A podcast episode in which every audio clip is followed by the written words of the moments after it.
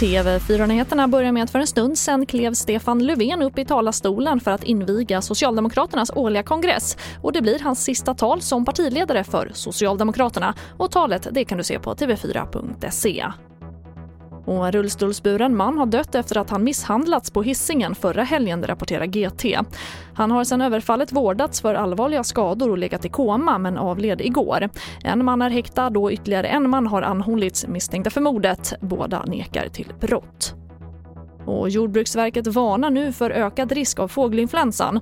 Skyddsnivån höjs därför till nivå 2 i södra delen av landet vilket innebär att alla fjäderfän som regel ska hållas inomhus.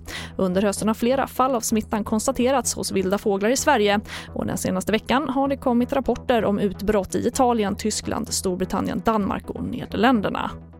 Och vi stannar kvar i Nederländerna för där införs nu återigen coronarestriktioner efter att antalet covid-smittade i landet har ökat markant sen förra veckan.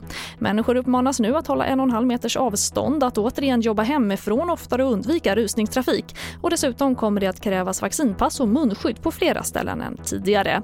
TV4-nyheterna i studion Charlotte Hemgren.